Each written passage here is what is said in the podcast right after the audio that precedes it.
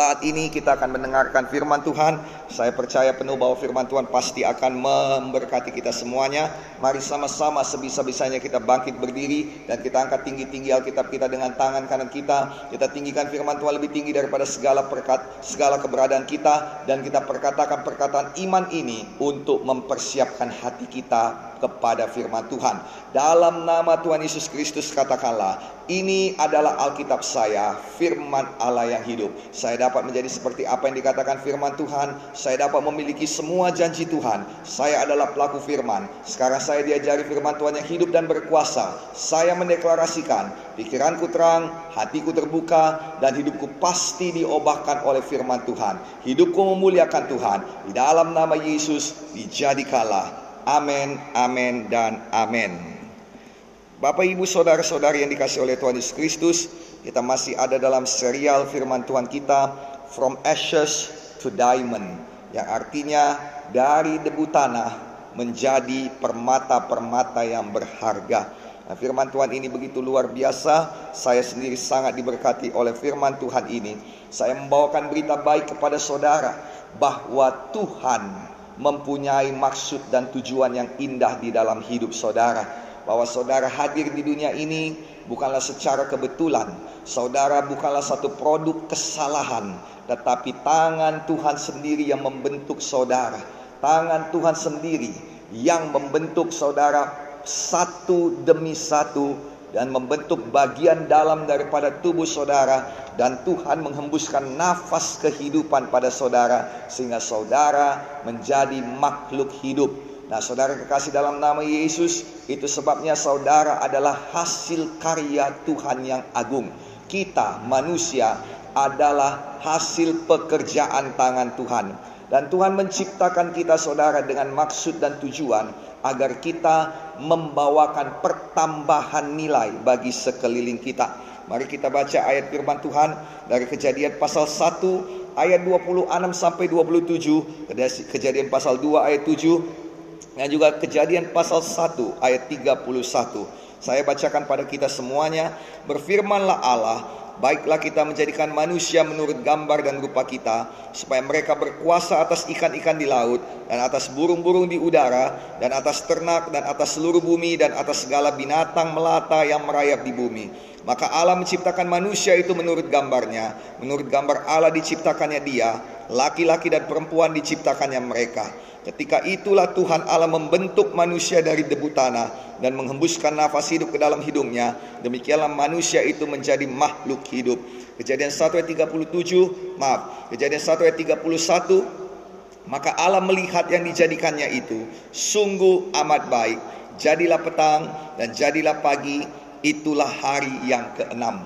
Bapak, ibu, saudara-saudari, pemimpin kelompok sel, pemimpin sektor, armor bearer, dan juga semua jemaat Tuhan dari mana pun saudara berada, kita melihat saudara bahwa ketika Tuhan menciptakan manusia, dia mempunyai maksud tujuan agar manusia memberi pertambahan pada sekelilingnya. Kita tahu saudara dalam lima hari penciptaan dunia ini saudara Tuhan menciptakan satu persatu elemen-elemen yang ada di dunia ini Tuhan membentuk dunia ini dari yang gelap dari yang tidak beraturan dari yang yang tidak ada tempat berpijak penuh dengan air dan juga saudara dari yang sungguh-sungguh kacau balau menjadi baik, baik, baik, baik, baik dan pada hari yang keenam sungguh amat baik. Lima hari sebelumnya saudara, semua ciptaan Tuhan yang diciptakan Tuhan, Tuhan melihat dan dia berkata baik. Tetapi pada hari yang keenam, Tuhan menciptakan langit dan bumi, Tuhan menciptakan bumi ini dan Tuhan menciptakan manusia pada hari yang keenam dan dia kemudian mundur melihatnya dan dia melihat dia tidak berkata itu hanya baik saja tetapi sungguh amat baik. Sebelum manusia ada, semuanya itu baik. Tetapi setelah manusia ada, itu semua menjadi sungguh amat baik. Nah, saudara, ada pertambahan nilai ketika manusia itu ada di situ. Ada pertambahan dan ada saudara kebaikan, ada berkat yang dibawakan manusia di mana pun Tuhan menempatkan dia. Ini terjadi sebelum manusia jatuh ke dalam dosa. Setelah manusia jatuh ke dalam dosa, memang ada orang-orang yang selalu berbuat jahat. Ada orang-orang yang kedatangannya selalu membawa keburukan. Tetapi Tuhan Yesus datang untuk mengampuni semua dosa. Supaya maksud dan kehendak Tuhan. Yaitu manusia membawakan berkat. Dan manusia membawakan pertambahan nilai kepada sekelilingnya. Tidak gagal. Dan hari ini kita semua bukan produk gagal. Kita semuanya bukan produk kecelakaan. Kita semuanya bukanlah satu kesalahan di dunia ini. Kita bukanlah orang-orang yang membawa kutuk pada sekeliling kita. Ini adalah maksud Tuhan. Inilah berita baik yang saya bawakan.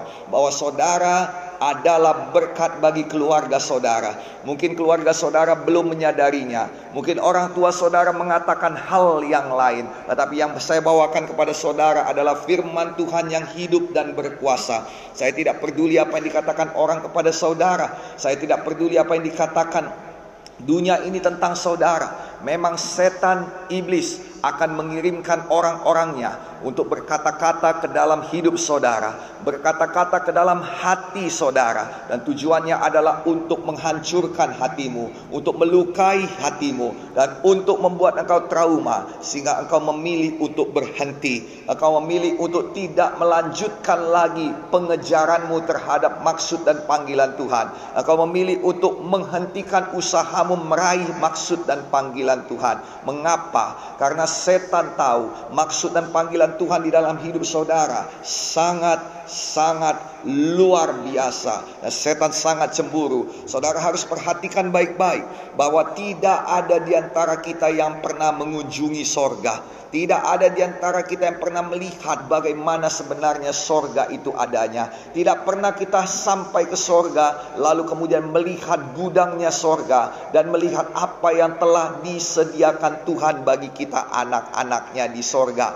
Apa yang akan dikirimkannya sepanjang jalan hidup kita ketika kita hidup di dunia ini. Apa yang akan diberikannya dan apa yang disimpannya bagi kita. Sehingga ketika kita sampai ke sorga nanti kita akan menerima upah dan kemuliaan yang dijanjikannya. Belum pernah ada yang melihatnya itu. Kita kita hanya hidup dengan iman dan kita tahu saudara bahwa Tuhan kita sudah menyediakan segala sesuatu kebutuhan kita untuk hidup dan ibadah. Tetapi ada satu pribadi yang pernah ada di sorga. Ada satu pribadi yang tahu seluk-beluk sorga. Dia tahu apa yang dikerjakan Tuhan untuk kita umat manusia. Dia tahu apa yang disediakan Tuhan dan disimpannya di gudangnya di sorga bagi kita umat manusia. Dan pribadi itu adalah setan. Setan sangat cemburu kepada manusia. Karena seharusnya dia yang menerima kemuliaan itu. Tetapi karena pemberontakannya, karena kesombongannya, maka setan dilemparkan ke dunia ini.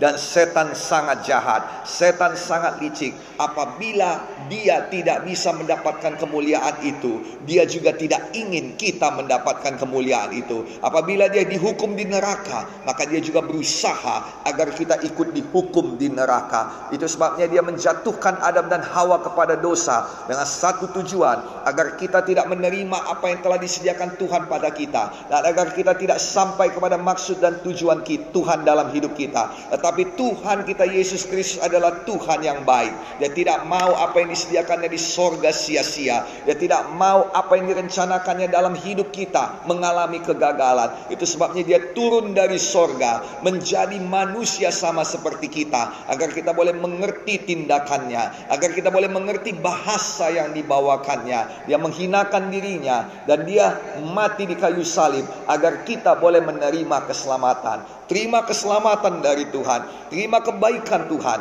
Terima maksud dan kehendak Tuhan dalam hidup saudara. Terima apa yang sudah Tuhan sediakan di sorga bagi saudara. Lebih daripada apa yang bisa kita doakan. Lebih daripada apa yang bisa kita pikirkan. Itu yang sudah Tuhan sediakan bagi saudara di sorga. Dan Tuhan akan berikan pada saudara. Bayangkan jika saudara menerima itu. Hari lepas hari Alkitab berkata. Ada kasih karunia Tuhan yang baru yang disediakannya bagi kita. Artinya hari lepas hari setiap pagi Tuhan membuka pintu gudang sorga dan memberikan apa yang telah disediakannya kepada kita. Ada kekuatan untuk hari ini, ada berkat untuk hari ini, ada mukjizat untuk hari ini, ada jawaban doa untuk hari ini, ada kemampuan, ada talenta-talenta yang Tuhan sediakan bagi kita agar kita boleh maju, maju, maju, maju. Nah, saudara kasih dalam nama Yesus, tentu saja setan tidak suka. Setan cemburu dan setan mau menggagalkan itu semua. Itu sebabnya setan mengirimkan antek-anteknya. Setan mengirimkan orang-orangnya. Dan setan mulai menyuruh orang-orangnya menggagalkan maksud Tuhan dalam hidup kita. Mereka akan berbicara hal-hal yang membuat kita bingung. Mereka akan menekan kita. Mereka akan berbicara hal-hal yang membuat kita trauma. Menyakiti hati kita. Kalau boleh menghancurkan hidup kita. Mereka mau menghancurkan pelayanan kita. Menghancurkan masa depan kita. Dengan satu tujuan dari setan. Yaitu agar kita kita tidak sampai kepada maksud dan panggilan Tuhan, agar kita tidak bisa menggenapi rencana Tuhan, agar kita tidak bisa meraih tujuan Tuhan dalam hidup kita. Kenali tipu daya setan, jangan kita marah, jangan kita trauma, jangan kita jadi bingung, jangan kita menjadi lemah karena perbuatan orang-orang jahat yang mengambil daripada kita, yang menekan kita, yang merusak pelayanan kita, yang merusak nama baik kita, yang mengejek kita, yang memfitnah kita. Jangan kita hancur karena antek-antek setan, orang-orang munafik, orang-orang jahat, orang-orang yang mempunyai pikiran yang tidak benar dan tidak seturut dengan firman Tuhan, orang-orang yang sok suci, orang-orang yang banyak berbicara hal-hal yang kelihatannya benar, tetapi di belakangnya syarat dengan keduniawian dan syarat dengan hawa nafsu. Nah, saudara kasih dalam nama Yesus, orang-orang seperti itu ada banyak di dunia ini dan ada beberapa di gereja. Kiranya Tuhan membebaskan gereja kemenangan kemenangan iman Indonesia daripada orang-orang demikian. Kiranya Tuhan memberikan orang-orang yang cinta Tuhan, orang-orang yang cinta rumah Tuhan, orang-orang yang cinta pekerjaan Tuhan, orang-orang yang membawa pertambahan kepada rumah Tuhan, bukan mengurangi rumah Tuhan. Orang-orang yang memberi kepada rumah Tuhan, bukan mengambil daripada rumah Tuhan. Orang-orang yang menambahi pembangunan rumah Tuhan, bukan mengambil rumah Tuhan. Kiranya Tuhan menambahkan kepada kita orang-orang yang baik, orang-orang dengan pengertian yang dalam, orang-orang orang yang mau dipakai Tuhan secara luar biasa. Jadilah, jadilah, jadilah itu bagi gereja kemenangan iman Indonesia. Dan orang itu adalah saudara. Karena Alkitab saya berkata tadi bahwa Tuhan mempunyai tujuan dalam hidup kita agar kita membawa pertambahan. Engkau bukan kesalahan, engkau adalah berkat.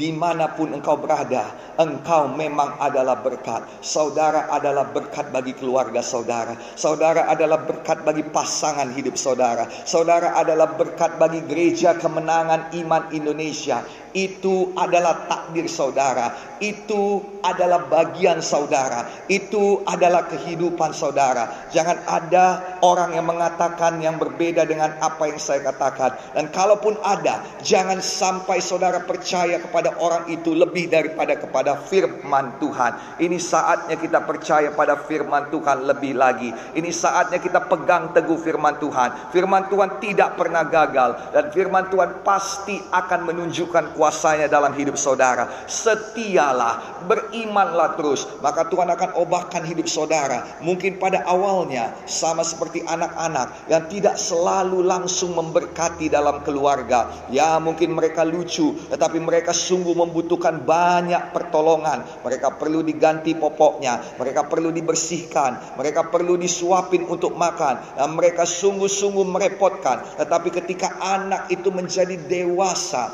maka sungguh keberadaannya menjadi berkat bagi keluarga itu. Itu sebabnya semua armor bearer team, semua pemimpin sektor, semua pemimpin kelompok sel, kiranya menjadi dewasa di dalam Tuhan dalam nama Yesus. Tanda-tanda orang dewasa ialah mereka tidak diombang-ambingkan oleh dunia ini. Anak-anak saudara lihat sesuatu, mau sesuatu. Mendengar sesuatu, mau sesuatu. Tapi kita orang dewasa, banyak pun yang kita dengar, banyak pun yang kita lihat, kita dapat mempunyai saringan daripada pemasukan-pemasukan di dalam hidup kita. Kita tidak begitu mudah terpercaya, kita tidak begitu mudah mengambil kata-kata orang. Kita tahu saudara, kita bisa berdoa, kita bisa berpuasa, kita bisa tanya Tuhan. Kita punya pemikiran, kita punya hikmat, kita punya kebijaksanaan, kita punya pertimbangan. Bukan apa kata orang, itu yang kita ikuti. Saudara kasih dalam nama seorang dewasa bisa berdiri pada tempatnya, berdiri pada iman dan percayanya, dan menjadi berkat bagi sekelilingnya. Saya berdoa semua GKII semakin didewasakan. Saya juga semakin didewasakan. Saudara juga semakin didewasakan. Orang dewasa mampu menahan ejekan. Orang dewasa mampu menahan segala tekanan. Oh saudara, anak saya saudara sering sekali bertengkar dengan saudara-saudarinya saudara dan pada akhirnya salah seorang di antara mereka menangis. Dan saya katakan kenapa perlu menangis? Nah saudara bagi kita orang dewasa hal itu memang tidak perlu. Tetapi bagi anak-anak nangis itu adalah satu ekspresi kekesalan hatinya. Saudara kita tidak demikian. Kalau kita dewasa saudara kita tidak cepat merajuk. Kita tidak cepat ngambek saudara. Tetapi kita tahu bagaimana menata hati ini. Kita tahu bagaimana bagaimana menatap perasaan ini. Saya berdoa, dewasalah gereja kemenangan iman Indonesia. Dewasalah pemimpin-pemimpin yang ada di dalamnya. Dewasalah kita semuanya supaya kita semuanya boleh menjadi berkat di dalam nama Tuhan Yesus Kristus. Nah, Bapak Ibu Saudara-saudara yang dikasih oleh Tuhan Yesus Kristus, mengapa kita bisa menjadi berkat? Karena Tuhan telah menanamkan sesuatu di dalam diri kita. Mungkin kita berpikir bahwa kita bukan siapa-siapa. Mungkin kita berpikir bahwa kita hanya orang miskin. Mungkin kita berpikir bahwa kita tidak punya modal yang cukup. Tapi sebenarnya saudara, Tuhan sudah menanamkan sesuatu di dalam hidup kita. Mari kita buka Alkitab kita saudara dalam buku kejadian. Dalam buku kejadian pasalnya yang kedua. Dan kita akan baca buku kejadian pasal 2 ayat yang 11 dan 12. Ini bercerita mengenai sungai-sungai yang ada di Taman Eden. Ayat 11 kejadian 2. Sungai yang pertama namanya Pishon. Yakni yang mengalir, mengalir mengelilingi seluruh tanah Hawila. Tempat emas ada. Jadi emas itu tidak ada di sungai Pishon. Tetapi emas itu ada di tanah Hawila. Dan emas dari negeri itu baik. Dalam bahasa Inggris dikatakan and the gold of the land is good. Di sana ada damar bedola dan juga batu permata krisopras. Jadi saudara dikatakan emas dari tanah itu baik. Di tanah itu ada emas. Nah, saudara di tanah Hawila ada emas. Dan tentu saja emas itu tidak di atas tanah, tetapi emas itu ada di dalam tanah. Nah, saudara kasih dalam nama Yesus, kita juga harus tahu bahwa kita ini tubuh kita ini diambil dari tanah.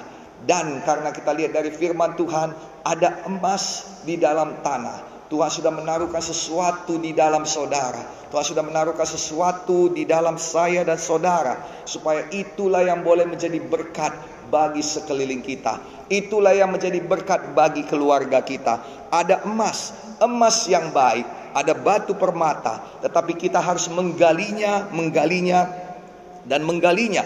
Tuhan Yesus sendiri berkata dalam Matius 13 ayat 44. Hal kerajaan sorga itu seumpama dengan harta yang terpendam di ladang. Nah, saudara harta yang terpendam di ladang tentunya akan berbicara mengenai harta yang ada di dalam tanah dan tentu saja tidak di luar tanah saudara atau di atas tanah karena dengan demikian itu tidak berarti terpendam terpendam artinya ada di dalam tanah nah saudara saya percaya bahwa kita, tubuh kita ini yang dibuat dari tanah, di dalamnya Tuhan sudah masukkan banyak-banyak hal yang membuat kita mampu menjadi berkat Pegang itu dalam nama Yesus. Gali itu di dalam nama Yesus. Kerjakan itu di dalam nama Yesus. Gandakan talenta-talenta yang ada di dalam diri saudara. Minggu yang lalu kita sudah melihat bagaimana hamba nomor tiga yang tidak menggandakan talentanya dan dihukum oleh Tuhan. Marilah kita menggandakan talenta kita. Jangan sampai kita mendapatkan hukuman dari Tuhan. Tapi biarlah kita mendapatkan pujian. Dan kita semuanya boleh mendapatkan hidup yang kekal bersama-sama dengan Tuhan. Bapak, ibu, saudara-saudari, talenta yang ada pada saudara-saudari, mungkin saudara sudah sadar, kembangkan, gandakan. Tapi mungkin saudara belum sadar, minta kepada Tuhan. Tanya Tuhan, bagaimana caranya supaya saudara menemukannya. Ini saatnya talenta anak-anak Tuhan bersinar untuk memberkati bangsa-bangsa. Nah, saudara kasih dalam nama Yesus, tidak ada talenta yang begitu keluar langsung kelihatan hebat. Tentunya saudara sama seperti tanah, maaf, sama seperti emas yang ada dalam tanah, sama seperti sama seperti harta karun yang ada di dalam tanah, ketika dikeluarkan, semuanya perlu dibersihkan lagi, semuanya perlu dipoles lagi, semuanya perlu diolah lagi. Maka, dalam nama Yesus, olahlah talentamu, oleh olahlah apa yang ditanam Tuhan di dalam engkau, maka engkau akan menjadi berkat. Orang-orang yang mengolah emas pasti akan menjadi berkat. Ketika saudara mengolah mengolah apa yang ada di dalam saudara, saudara akan menjadi berkat bagi keluarga saudara. Saya berdoa apabila selama ini keluarga saudara belum pernah merasakan apa yang dinamakan dengan berkat melimpah-limpah melalui saudara, mereka akan merasakannya. Apabila selama ini keluarga saudara belum pernah keluar negeri, apakah untuk bisnis, apakah untuk liburan, maka melalui saudara, saudaralah yang akan membawa orang tua saudara untuk ziarah ke tanah perjanjian di Israel. Saudara yang akan membawa teman, eh, membawa family-family saudara untuk berkeliling Asia, untuk berkeliling Australia. Dari saudaralah berkat-berkat itu. Saudara bukan satu kesalahan bagi keluarga saudara. Saudara bukan satu produk gagal. Saudara bukan kutukan, saudara bukan pengkhianat dalam keluarga saudara saudara, tetapi saudara adalah berkat. Saudara adalah orang yang menambah nilai. Mari kita katakan bersama-sama, saya adalah seorang yang menambah nilai di mana pun saya berada. Mari sama-sama katakan di dalam nama Yesus, saya adalah orang yang menambah nilai di mana pun saya berada. Katakan sekali lagi, saya adalah orang yang menambah nilai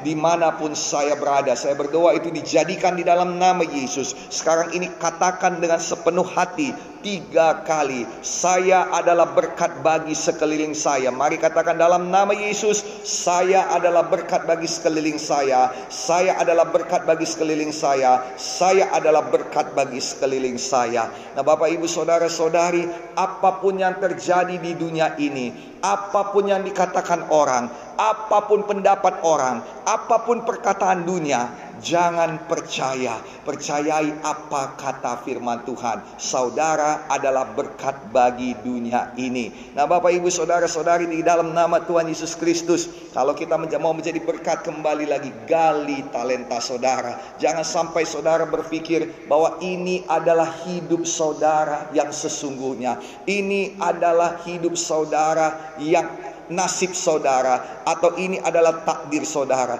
Beberapa orang mereka sudah settle dalam hidupnya. Puji Tuhan kalau mereka settle atau mereka berhenti dalam hidupnya pada kondisi yang baik, pada kekayaan, pada kehormatan, pada tempat-tempat yang tinggi. Tetapi yang lebih banyak di dunia ini, mereka yang settle dalam hidupnya dalam kemiskinan. Mereka yang settle dalam hidupnya dalam kesusahan besar. Mereka yakin betul inilah takdir kehidupan mereka. Mereka sudah berusaha tetapi sama sekali tidak bisa melawan situasi keadaan. Mereka sudah melakukan yang terbaik tetapi yang terbaik itu tidak cukup bagi mereka. Mereka sudah usahakan sungguh-sungguh tetapi usaha mereka mereka selalu mengalami kegagalan. Maka mereka berpikir I'm settled here.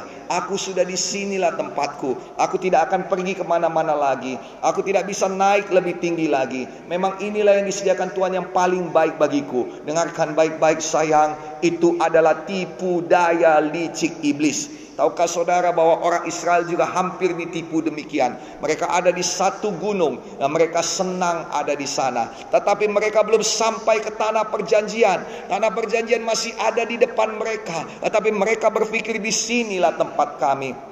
Di sinilah kami berada. Di sini kami boleh makan, minum. Di sini kami boleh mempunyai keluarga dan mempunyai anak. Di sini kami boleh bercocok tanam dan boleh berdagang. Maka mereka tinggal di situ. Tapi firman Tuhan berkata, telah cukup lama engkau tinggal di gunung ini. Sekarang majulah ada banyak orang yang berpikir, inilah hidupku, inilah hidupku, inilah nasibku. Aku tinggal dalam kemiskinan, aku tinggal dalam dalam kesusahan. Inilah memang menjadi bagianku. Aku tinggal dalam penyakitku dan aku akan mati oleh penyakitku. Inilah yang akan jadi bagianku. Oh, karena memang aku itu uh, uh, orang tuaku mempunyai penyakit. Kutuk penyakit ada padaku dan aku juga pasti akan menerimanya. Dalam nama Yesus, semua itu dibatalkan. Dalam dalam nama Yesus semuanya itu tidak benar. Ada seorang di Alkitab yang sebenarnya saudara ditakdirkan untuk mati. Setan berusaha membunuh dia karena setan tahu bahwa orang yang satu ini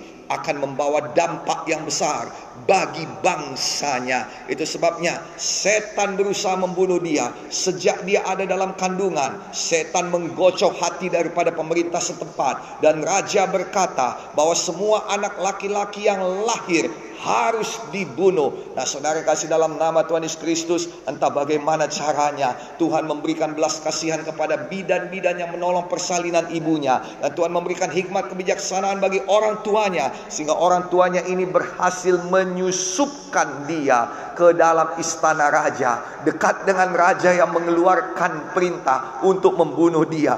Memang saudara Tuhan punya cara yang ajaib. Mungkin saudara dekat dengan orang yang membenci saudara saudara. Mungkin saudara dekat dengan kecelakaan. Mungkin saudara dekat dengan orang-orang yang mau membunuh saudara. Mungkin saudara dekat dengan kompetitor saudara di bidang bisnis. Tapi Tuhan ada di sana untuk menjaga saudara. Tuhan ada di sana saudara untuk memberikan yang terbaik pada saudara. Mengubahkan nasib saudara. Yang tadinya saudara harusnya mati. Harusnya dieliminasi. Harusnya ditiadakan. Harusnya dihabisi. Tetapi rahmat Tuhan malah membawa saudara dekat, tinggi. Nah saudara berubah kedudukan. Nah saudara yang kasih dalam nama Tuhan Yesus Kristus. Nah orang ini namanya Musa. Dan Musa ini diajari tentang maksud dan panggilan Tuhan dalam hidupnya. Selalu dikatakan ketika ibunya menyusui dia. Dikatakan engkau bukan orang Mesir. Tapi engkau orang Israel. Engkau umat Tuhan. Nah saudara juga adalah umat Tuhan.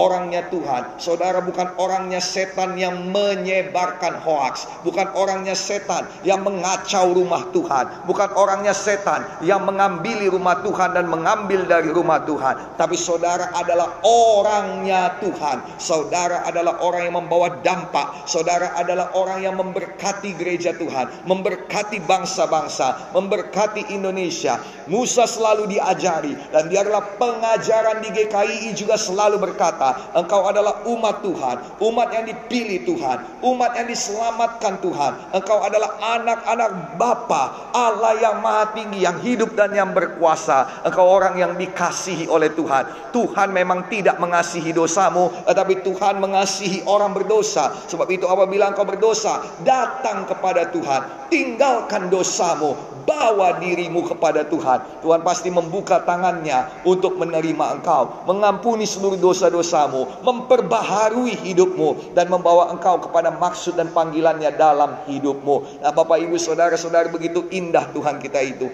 Dan itulah yang dilakukannya pada Musa. Musa bukan hanya orang yang tadinya harus dieliminasi. Musa tidak punya harapan harapan. Musa tidak boleh hidup di dunia ini, tetapi sekarang dia ada pada jalur di mana dia boleh diangkat menjadi Firaun di tanah Mesir. Dia bertumbuh tetapi dia selalu terngiang-ngiang perkataan ibunya. Engkau punya maksud tujuan. Engkau maksud tujuan dalam hidupmu adalah menjadi berkat bagi bangsamu, menjadi berkat bagi bangsa Israel. Dan oleh karena itu dia tidak tahan. Dia mencari jalan untuk dapat melaksanakan kehendak Tuhan dalam hidupnya itu. Sayang sekali dia melakukannya dengan kekuatannya sendiri. Semua kita dalam hidup ini tidak ada yang sempurna. Semua kita dalam hidup ini pernah melakukan kesalahan. Semua kita dalam hidup ini pernah mengandalkan diri sendiri. Semua kita dalam hidup ini pernah mendukakan Tuhan. Semua kita dalam hidup ini pernah jatuh dan pernah berbuat dosa. Itu adalah satu hal yang lumrah dan jangan dibesar-besarkan. Kenapa jangan dibesar-besarkan? Karena sesungguhnya Tuhan sudah sudah mati di kayu salib menyediakan jawabannya bagimu. Semua pertanyaan yang sudah ada jawabannya tidak perlu dibesar-besarkan. Semua persoalan yang sudah ada jalan keluarnya tidak perlu dibahas lagi. Saudara kasih dalam nama Yesus, Tuhan Yesus adalah jalan keluar kita daripada dosa. Tuhan Yesus menyediakan jawaban bagi kita orang berdosa. Itu sebabnya GKI tidak akan membesar-besarkan dosa. GKI tidak akan menuntut-nuntut kesalahan orang. GKI tidak mengancam-ngancam orang dengan kesalahannya. GKI adalah gereja yang mengerti itu semua sudah ada jawabannya. Dan GKI adalah orang yang membawakan jawaban Tuhan terhadap dosa. Jawaban Tuhan terhadap dosa ialah kasihnya yang begitu besar. Hingga ia rela mengorbankan anaknya yang tunggal. Membuat anaknya yang tunggal itu kurang berharga dibanding hidup manusia yang hina dina ini. Oh Bapa Surgawi memilih untuk menyelamatkan hidup manusia yang hina dina ini dan mengorbankan anaknya yang tunggal, mengorbankan hidup anaknya yang tunggal untuk menjadi penebus umat manusia. Ini adalah satu hal yang luar biasa, kemegahan cinta, kekuatan kasih yang dahsyat Terimalah di dalam nama Tuhan Yesus Kristus. Terimalah di dalam nama Tuhan Yesus Kristus. Musa juga melakukan kesalahan. Dia bukan orang yang sempurna. Dia berusaha menolong bangsanya dengan kekuatan dirinya sendiri. Apa yang terjadi? Bangsa Israel tidak mengerti. Bangsa Israel malah berbalik dan melawan Musa. Nah saudara mereka berkata, siapa yang mengangkat engkau menjadi pemimpin di atas kami? Mereka tidak mau mengikuti Musa. Sementara Musa telah membunuh orang Mesir. Dan oleh karena itu seluruh Mesir mencari dia, menuntut balas. Dia melarikan diri ke padang gurun dan sampai di sana dia bukan siapa-siapa. Sampai di sana dia harus mengemis untuk minta air. Sampai di sana dia harus bekerja keras untuk hidupnya. Seorang putra mahkota yang bergelimang kekayaan, yang bergelimang orang-orang yang membantu, yang bergelimang kuasa dan kedikdayaan. Sekarang ini menjadi orang biasa yang harus memohon untuk hidupnya, yang harus bekerja keras untuk masa depannya, tetapi dia tidak keberatan. Dia melanjutkan hidupnya. Dia menikah dengan orang setempat dan dia mulai berpikir, inilah hidupku. Aku tidak akan pernah jadi apa yang dikatakan Tuhan kepadaku. Tidak akan pernah ku capai itu. Mungkin saudara sudah banyak membaca firman Tuhan. Firman Tuhan menjanjikan banyak hal yang indah untuk hidup dan masa depan saudara. Dia menjanjikan kesembuhan tubuh bagi engkau yang sakit. Dia menjanjikan hidupmu akan naik, naik, naik, naik dan tidak pernah turun. Dia menjanjikan bahwa hidupmu akan berhasil dan beruntung. Tetapi kau melihat hidupmu sekarang dan kau mulai berpikir sama seperti Musa. Tidak akan pernah itu dapat tercapai. Inilah hidupku. Hidupku ada dalam kekurangan. Hidupku ada dalam kehinaan. You are settled for less. You are settled for your life right now. You are settled for life in sin. You are settled for life in poverty. You are settled for life in depression. Engkau sudah menetapkan hati untuk hidup dalam depresi. Engkau sudah menyerah. Engkau tidak lagi mau maju lagi. Engkau sudah trauma. Tidak ada kemampuan untuk maju lagi. Tetapi saya punya kabar baik bagi saudara. Sekalipun saudara sudah menyerah, Tuhan tidak pernah melupakan saudara. Alkitab berkata, Tuhan tidak pernah melupakan pekerjaan tangannya. Saudara adalah pekerjaan tangan Tuhan. Saya ulangi sekali lagi.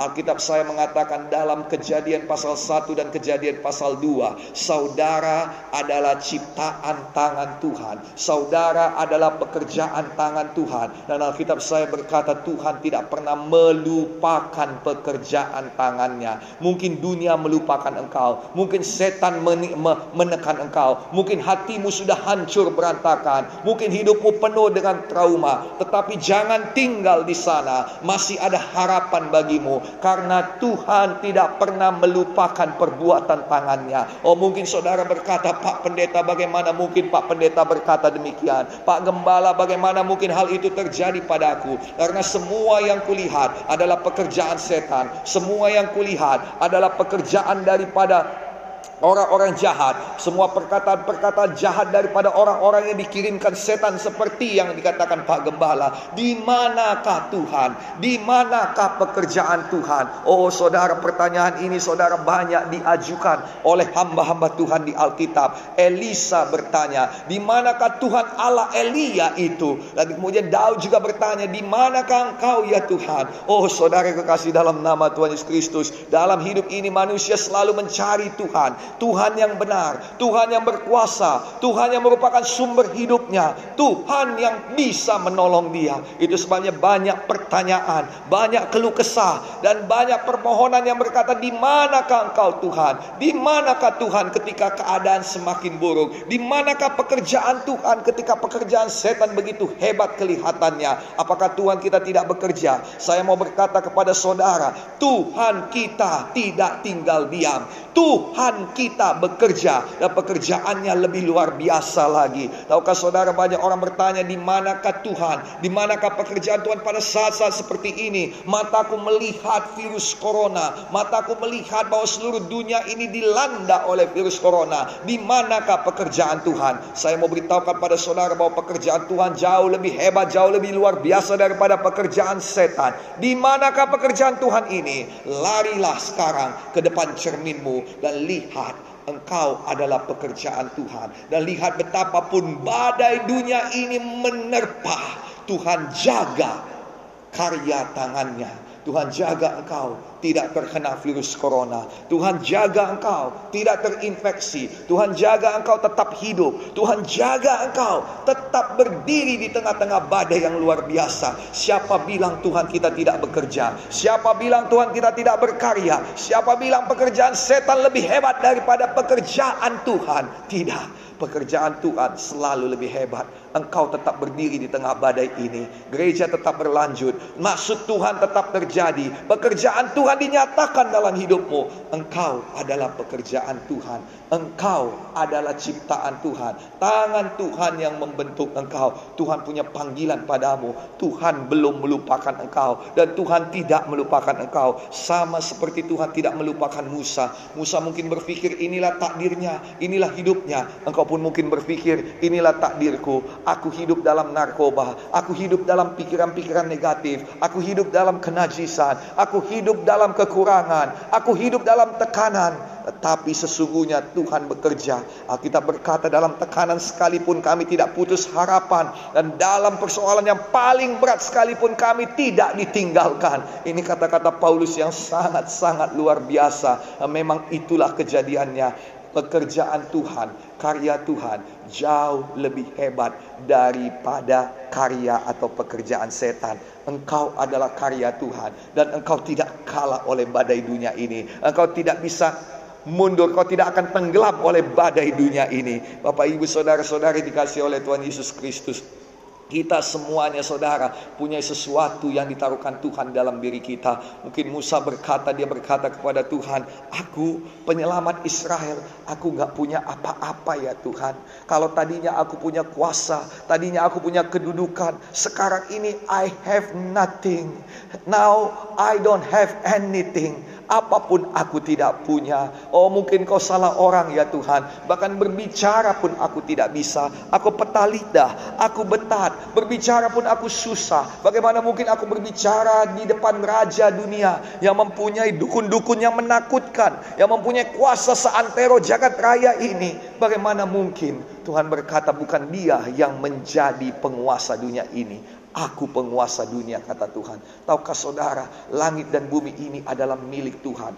Tuhan yang menguasainya, bukan orang lain, bukan orang jahat yang mempunyainya, bukan bosmu yang mempunyainya, bukan orang tuamu yang mempunyainya, tapi Bapa sorgawi yang mempunyainya. Nah, Bapak, Ibu, saudara-saudara kasih oleh Tuhan Yesus Kristus, Musa merasa dirinya kecil. Dia berkata, "Pilihlah yang lain, pilihlah Harun. Engkau salah pilih ya Tuhan, tapi Tuhan tidak pernah salah pilih." Hari ini kau ada di gereja kemenangan iman Indonesia. Engkau menjadi pemimpin sektor. Engkau menjadi pemimpin kelompok sel. Engkau menjadi armor bearer team. Sungguh bukan saya yang memilih. Tetapi ada maksud Tuhan di dalam hidupmu. Supaya engkau jadi pertambahan. You will bring added value to wherever you go. Ke mana pun saudara ditempatkan Tuhan. Saudara membawa pertambahan. Dan saudara, thank God. Terima kasih Tuhan Yesus. Saudara ditempatkan Tuhan di gereja kemenangan iman Indonesia. Saya ditempatkan Tuhan di gereja kemenangan iman Indonesia. Ada beberapa orang di antara saudara di ditempatkan Tuhan sama seperti Daud berkata, Tuhan mengangkat aku dengan menyingkirkan ayahmu dikatakan Daud kepada Mikal anak Saul dan oleh karena itu kau harus takut kepada Tuhan. Bukankah oleh karena itu aku harus memuji-muji Tuhan? Ada beberapa di antara saudara tidak ada pada tempat dan kedudukan saudara saat ini. Kalau Tuhan tidak menyingkirkan orang-orang yang terdahulu, Tuhan menyingkirkan orang-orang yang tidak tersingkirkan supaya engkau boleh masuk pada panggilan Tuhan, supaya engkau boleh menduduki tempat-tempat mereka dan engkau boleh membawa pertambahan pada sidang Tuhan ini. Terpujilah nama Tuhan. Mungkin saudara belum menyadarinya. Saudara mungkin berkata kepada Musa, berkata seperti Musa, aku bukan siapa-siapa, aku bukan siapa-siapa, aku bukan siapa-siapa. Tetapi Tuhan tahu apa yang ditanamkannya di dalam dirimu. Tuhan tahu apa yang ditanamkannya dalam diri Musa. Mungkin dia menganggap remeh akan hidupnya, tapi Tuhan tidak pernah menganggap remeh akan engkau. Dia punya nafas kehidupan di dalam engkau. Dia hembuskan nafas hidup pada engkau dan engkau mempunyai talenta. Ada emas yang baik di dalam engkau ada batu krisopras, ada batu permata yang murni, yang baik di dalam engkau gali di dalam nama Yesus. Musa mengeluh dan dia berkata, aku nggak punya apa-apa ya Tuhan. Dan Tuhan berkata, apa yang ada di tanganmu? Musa berkata, oh dengan pandangan sinis. Musa berkata dengan dengan nada yang merendahkan, nggak ada apa-apa ya Tuhan. Apa yang ada di tanganmu? Oh kalau kau berbicara mengenai modal, kalau kau berbicara sesuatu yang berharga, kalau kau berbicara sesuatu yang berguna, maka nggak ada apa-apa. Tapi ya Tuhan, di tanganku hanya sebatang tongkat. Tahukah saudara dari sebatang tongkat itu muzizat demi muzizat mengalir. Dari sebatang tongkat itu laut yang begitu besar dibelah jadi dua. Dari sebatang tongkat itu datang burung puyuh. Dari sebatang tongkat itu keluar mata air. Dari sebatang tongkat itu yang diangkat tinggi, kemenangan disediakan Tuhan. Oh mungkin saudara berkata, aku nggak punya apa-apa. Aku hanya punya oh sedikit minyak dalam buli-buli dan sedikit tepung. Dan saudara dari situ ada muzizat yang terjadi. Oh aku nggak punya apa-apa, hutangku banyak kata seorang gejanda dalam dalam buku dua raja-raja. Dan dia berkata, aku banyak, aku tidak punya apa-apa. Anakku pun sudah diambil oleh penagih hutang. Supaya mereka melunasi hutang-hutangku. Aku nggak punya apa-apa, Pak Pendeta. Tapi apa yang kau punya, apa yang kau punya, apa yang kau punya. Lalu dia menjawab, hanya minyak dalam botol kecil. Dan itu cukup untuk menjadi, mengubahkan hidupnya. Oh minyak yang sedikit itu cukup untuk memberikan makan bagi anak-anaknya, cukup untuk membayar hutang-hutangnya. Tuhan kita adalah Tuhan yang ajaib. Modalmu yang kecil itu cukup untuk mengembangkan usahamu. Tabunganmu yang sedikit itu cukup untuk membangun rumahmu. Oh saudara, oh tabunganmu yang kecil itu cukup untuk membayar sekolah anak-anakmu sampai ke luar negeri. Memang hal yang kedengaran yang mustahil. Tetapi kalau Tuhan lakukan itu kepada banyak orang, Tuhan juga pasti lakukan pada kita. Tuhan tanamkan pada Musa emas yang baik. Tuhan tanamkan pada saudara juga emas yang baik. Saudara adalah berkat bagi bagi kelompok sel saudara. Saudara adalah berkat bagi gereja kemenangan iman Indonesia. Nah dengarkan sekarang apa yang harus kita lakukan. Apa yang harus kita lakukan. Now listen to me. Dengarkan saya baik-baik bahwa Tuhan berfirman pada hari penciptaan di dalam kejadian pasal 1 dikatakan Tuhan berfirman sampai enam kali dan saudara perlu lihat bahwa bumi merespon kepada firman Tuhan. Setiap kali Tuhan berfirman, something happen. Setiap kali Tuhan berfirman, sesuatu terjadi bumi merespon kepada firman Tuhan. Ketika Tuhan berfirman, Roh Kudus mengerjakannya dan bumi merespon. Oh, saudara, mukjizat terjadi. Ketika Tuhan berkata, "Jadilah terang," Roh Kudus mengerjakannya. Oh, biasanya itu diperlukan saudara support system.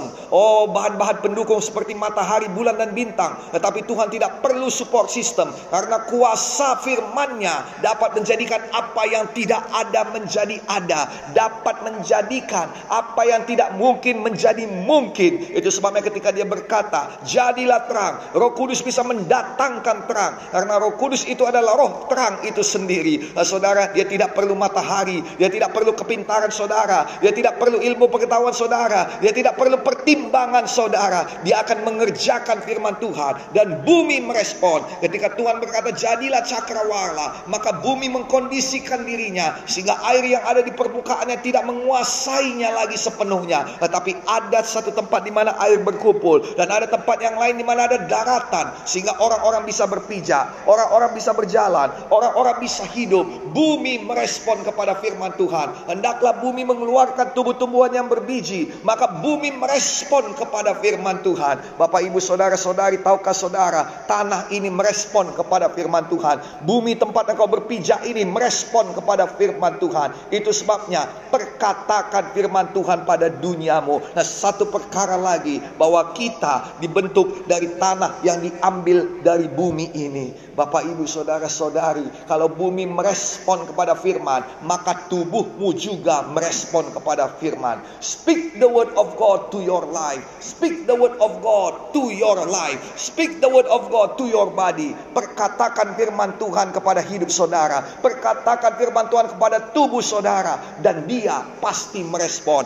Perkatakan firman Tuhan kepada jantung saudara. Katakan disampaikannya firmannya, disembuhkannya mereka, diluputkannya mereka dari liang kubur. Perkatakan pada jantung saudara berjalan bergerak dengan baik. Perkatakan pada ginjal saudara, engkau bekerja dengan baik. Perkatakan pada tubuh saudara, masuklah zoe kehidupan Tuhan. Berhembuslah ruah angin roh kudus dan hidupkan tubuh-tubuh yang fana. Nah, saudara setiap kali saudara perkatakan firman Tuhan berulang-ulang lagi dan lagi, maka roh kudus akan bekerja dan tubuh saudara akan merespon. Nah, saudara, jangan katakan apa yang dikatakan orang. Jangan katakan persoalanmu, jangan katakan sakit hatimu. Engkau yang mengatakan demikian firman Tuhan berkata seperti orang yang melepaskan bajunya di musim dingin dan menyanyikan nyanyian sedih pada hati yang luka, tidak menolong sama sekali, melainkan menambah buruk keadaan, menambah keterpurukan kita. Tuhan tidak ingin kita terpuruk, Tuhan mau kita bangun dan bangkit. Itu sebabnya dikatakan jangan lupa mem memperkatakan kitab Taurat ini di mana pun kau berada. Mengapa? Karena dengan memperkatakan firman Tuhan, tubuhmu akan merespon. Dengan memperkatakan firman Tuhan, bumi akan merespon. Dengan memperkatakan firman Tuhan, roh kudus akan bekerja. Itu sebabnya never speak. Jangan pernah perkatakan situasi keadaan saudara. Dengarkan sayang, sekarang ini kita bukan hanya berkata-kata melalui mulut kita saja, tapi kita bisa berkata-kata melalui status kita di sosial media, di Instagram, di Facebook, di YouTube. Oh, saudara kasih dalam nama di platform-platform lain, di WhatsApp, di Telegram, dan di beberapa tempat lain, TikTok dan lain sebagainya. Engkau bisa mengatakan apa yang ada dalam hatimu di sana. Perhatikan baik-baik, perkatakan firman Tuhan supaya hidupmu berubah. Perkatakan firman Tuhan supaya tubuhmu merespon dengan baik. Tubuhmu tidak bisa merespon dengan dengan baik kepada tekanan-tekanan karena memang dia tidak diperuntukkan untuk itu. Tubuhmu tidak dapat merespon dengan baik kepada sakit penyakit. Dia, tidak di, di, diperuntukkan untuk itu. Tetapi tubuhmu akan merespon kepada firman Tuhan karena adalah firman Tuhan salah satu substansi daripada kehidupan kita. Bapak Ibu Saudara-saudari speak the word of God. Perkatakan firman Tuhan. Firman Tuhan itu yang mengubah hidup saudara dengan pekerjaan Roh Kudus. Ada satu orang anak muda yang dilupakan oleh keluarganya, anak muda yang bekerja keras, anak muda yang melakukan yang terbaik dan tidak ada yang ingat kepadanya kecuali Tuhan. Oh saudara, satu hari seorang hamba Tuhan datang ke rumah anak muda ini, datang ke rumah ayah daripada anak muda ini untuk membawakan kabar baik bahwa Tuhan sudah memilih salah seorang daripada anak daripada ayahnya ini untuk menjadi raja atas bangsanya. Nah, saudara, nabi ini datang, hamba Tuhan ini datang dan dia ketuk pintu rumah daripada Isai dan Isai saudara menyiapkan anaknya laki-laki. Mulailah maju abang yang pertama namanya Eliab, yang kedua namanya Syama dan betullah karena abang-abangnya ini memiliki peringkat di bidang kemiliteran, tentunya bangun tubuhnya cantik, bangun tubuhnya baik, tentunya cara jalannya juga gagah. Maka Samuel berpikir inilah orangnya dan ketika dia mau mengangkat pengurapan, tanduk pengurapan itu mengurapi dia jadi raja. Tetapi Tuhan berkata, tunggu, bukan dia orangnya. Satu persatu daripada saudara-saudari daripada anak Tuhan ini maju. Tetapi tidak seorang pun dipilih Tuhan. Lalu Samuel berkata, tidak adakah anakmu yang lain? Apakah ini semua stopmu? Sudah habis stopmu? Maka Isai berkata, Oh aku sekarang teringat. Ada satu lagi di padang gurun, mengembalakan domba yang tidak seberapa itu. Nah, saudara, Isai melupakan Daud. Isai melupakan anaknya. Tapi Tuhan tidak pernah melupakan perbuatan tangannya. Nah, saudara, walaupun Daud jauh di gurun sana, Tuhan ingat. Dan kemudian Samuel berkata, panggillah dia Bapak ibu saudara saudari jadi kalau saya seorang hamba Tuhan yang memanggil engkau kepada maksud dan tujuan Tuhan di dalam hidupmu. Jadi kalau saya seorang hamba Tuhan yang memanggil engkau supaya kau keluar dari padang gurun hidupmu dan menerima menerima maksud Tuhan. Lalu Daud datang dan apa yang terjadi? Daud menerima firman Tuhan. Engkau adalah orang pilihan Tuhan yang diutus Tuhan, yang diangkat Tuhan menjadi raja atas umatnya. Dan kemudian Samuel menuangkan minyak pengurapan itu. Pada saat itu Alkitab berkata berkuasalah roh kudus atas Daud. Saudara, saya sudah sampaikan firman Tuhan kepada saudara. Panjang lebar saya sampaikan firman Tuhan ini kepada saudara. Nah, sekarang ini doa saya, turunlah pengurapan Roh Kudus pada saudara. Oh, biarlah saudara penuh dengan Roh Kudus berbahasa Roh kuralaba syikira mayandara lalaba kuriata karalalaba sanda. Dan dengar baik-baik. Setelah Daud menerima firman Tuhan dan Daud penuh dengan Roh Kudus dan karena urapan Tuhan karena minyak pengurapan ada pada padanya. Daud kembali ke gurun untuk mengembalakan domba-dombanya. Sedangkan abang-abangnya kembali kepada camp mereka. Oh, mereka kembali kepada kepada ketentaraan mereka. Secara logika, abang-abangnya punya kans yang lebih baik, kesempatan yang lebih baik untuk masuk menjadi orang istana, untuk bisa menjadi raja, untuk bisa menjadi orang-orang punya kedudukan tinggi dalam pemerintahan. Sedangkan Daud jauh nun jauh di gurun sana tidak ada yang peduli. Tetapi saudara, firman dan pengurapan Tuhan membuka jalan bagi Daud dan jalan itu dimulai dari tantangan bagi bangsanya. Saudara, hari ini dunia penuh tantangan. Dunia dipenuhkan tantangan oleh virus corona. Ini saat yang baik bagi anak-anak Tuhan yang mempunyai firman dan pengurapan dari Tuhan untuk maju mengambil tempat-tempat yang tinggi di tempatnya masing-masing. Terima firman Tuhan ini, penuhlah dengan Roh Kudus. Ini saat yang baik bagi GKI untuk maju dan Saudara tahu, itu sebabnya setan tidak suka. Setan tidak mau itu jadi. Itu sebabnya setan mau gocok kita, mau membuat kita trauma, mau membuat kita lemah. Firman Tuhan ini juga dikhususkan kepada anak-anakku yang ada di Medan Barat dan Medan Sunggal bahwa ini saat yang baik. Engkau punya firman dan engkau sudah penuh dengan Roh Kudus dan ini saat yang baik. Ketika Daud diangkat Tuhan, Daud yang mempunyai firman, Daud yang sudah diurapi penuh dengan Roh Kudus, dia diangkat Tuhan. Ketika ada tantangan tantangan yang besar bagi bangsanya melalui Goliat. Sekarang ada tantangan besar bagi bangsa kita melalui COVID-19 atau virus corona. Ada tantangan besar bagi dunia melalui COVID-19 atau virus corona. Dan kita punya visi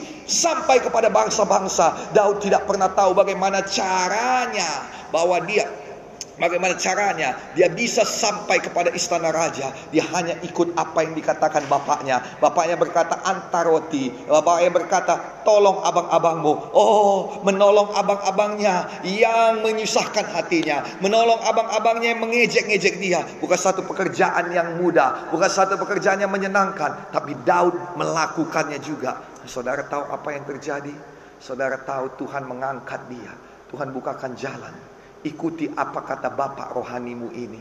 Ikuti firman Tuhan yang dibawakan. Mari kita bersemangat. Tuhan membukakan jalan bagimu agar kau naik ke tempat-tempat yang lebih tinggi, ke kelas-kelas atas, agar kau naik untuk duduk di tempat-tempat pemerintahan, agar kau naik ke tempat-tempat yang tidak pernah kau bayangkan sebelumnya. Oh, mungkin sekarang ini kau ada di gurun, yang kau perlu ialah apa? Yang kau perlu ialah firman dan pengurapan Roh Kudus. Memang Daud ada di gurun, tapi Roh Kudus sedang membukakan jalan padanya. Lihat, tidakkah kau ketahui? Tidakkah kau lihat? Aku sedang membuat jalan jalan-jalan di padang-padang belantara. Apakah engkau tinggal di padang belantara? Engkau tidak akan. Apakah engkau berada di padang belantara? Engkau tidak akan tetap tinggal di sana. Engkau akan naik sampai kepada istana raja-raja. Tuhan sudah tanamkan sesuatu di dalam dirimu yang tidak dimiliki oleh orang lain. Tuhan tanamkan sesuatu di dalam Daud yang tidak dimiliki oleh enam orang saudaranya yang lain. Oh, enam orang saudara yang lain itu mungkin memiliki tubuh yang kekar, mungkin memiliki kegantengan yang luar biasa, mungkin memiliki kemampuan berperang yang hebat. Dan Daud hanya seorang gembala, tapi dia yang dipilih Tuhan dan terbukti bahwa bukan abangnya yang mengalahkan Goliat, tetapi Daud yang mengalahkan Goliat. Mungkin saudara berkata, aku tidak punya modal yang banyak seperti dia.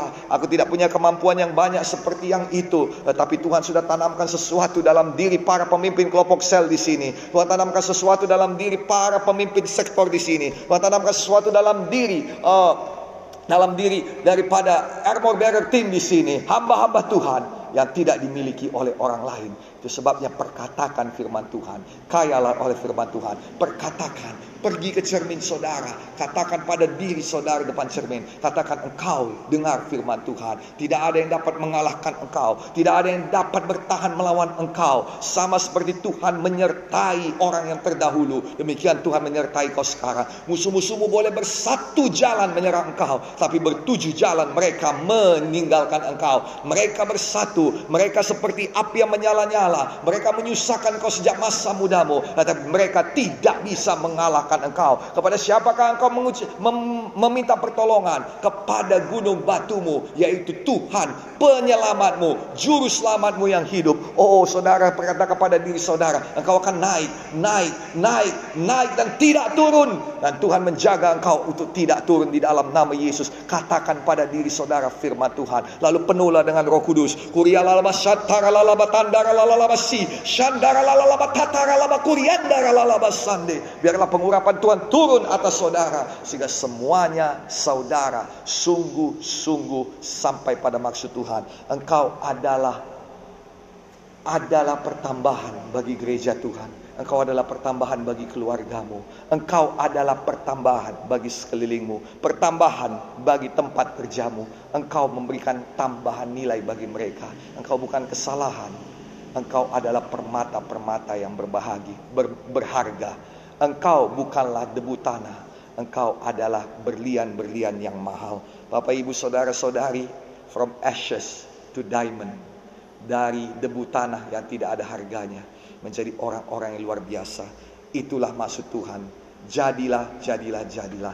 Mari kita berdoa di dalam nama Tuhan Yesus Kristus. Bapa Sorgawi di dalam nama Tuhan Yesus Kristus. Saat ini kami berdoa. Kiranya Engkau menolong kami semuanya. Agar firmanmu ini menjadi kenyataan bagi kami semuanya. Kami perkatakan firman dalam nama Yesus. Jadilah firmanmu ini bagi kami. Firmanmu tidak pernah gagal membawakan maksud dan panggilanmu dalam kami. Maka di dalam nama Tuhan Yesus Kristus. Biarlah tubuh kami, roh kami, jiwa kami, hati dan pikiran kami merespon kepada firman firman Tuhan. Sampailah kami pada maksud dan panggilan Tuhan. Kami tidak mau berputar-putar pada tempat kami. Kami tidak mau berputar-putar pada trauma. Kami tidak mau berputar-putar pada orang-orang yang berbuat jahat kepada kami. Tidak dalam nama Yesus. Kami mau maju, maju, maju dan menang di dalam nama Tuhan Yesus Kristus. Dalam nama Yesus tolong kami, berkati kami, urapi kami Tuhan. Biarlah semua firman Tuhan yang kami perkatakan dijadikan kenyataan oleh Roh Kudus. Jadilah di dalam nama Yesus. Dalam nama Yesus kami berdoa. Mari sekarang kita berdoa doa keselamatan jiwa kita saudara. Taruhlah tangan kiri saudara di dada dan angkatlah tangan kanan saudara ke atas. Mari kita berdoa doa ini. Mari katakanlah dengan sepenuh hati dalam nama Yesus katakanlah oh Tuhan Yesus. Saya percaya kepadamu. Saya butuh engkau. Masuklah dalam hati saya. Jadilah Tuhan dan juru selamat saya. Ampunilah dosa-dosa saya dan sucikalah saya dengan darah Yesus. Mulai saat ini saya lahir baru dan menjadi anak Bapa Sorgawi. Di dalam nama Tuhan Yesus, saya berdoa. Di dalam nama Yesus, saya lahir baru. Terima kasih Tuhan. Haleluya. Amin. Kiranya Tuhan Yesus memberkati kita semuanya dan saat ini mari kita berdoa bersama-sama untuk Tuhan kepada Tuhan agar kita semuanya penuh dengan Roh Kudus. Mari kita berdoa bersama-sama. Haleluya.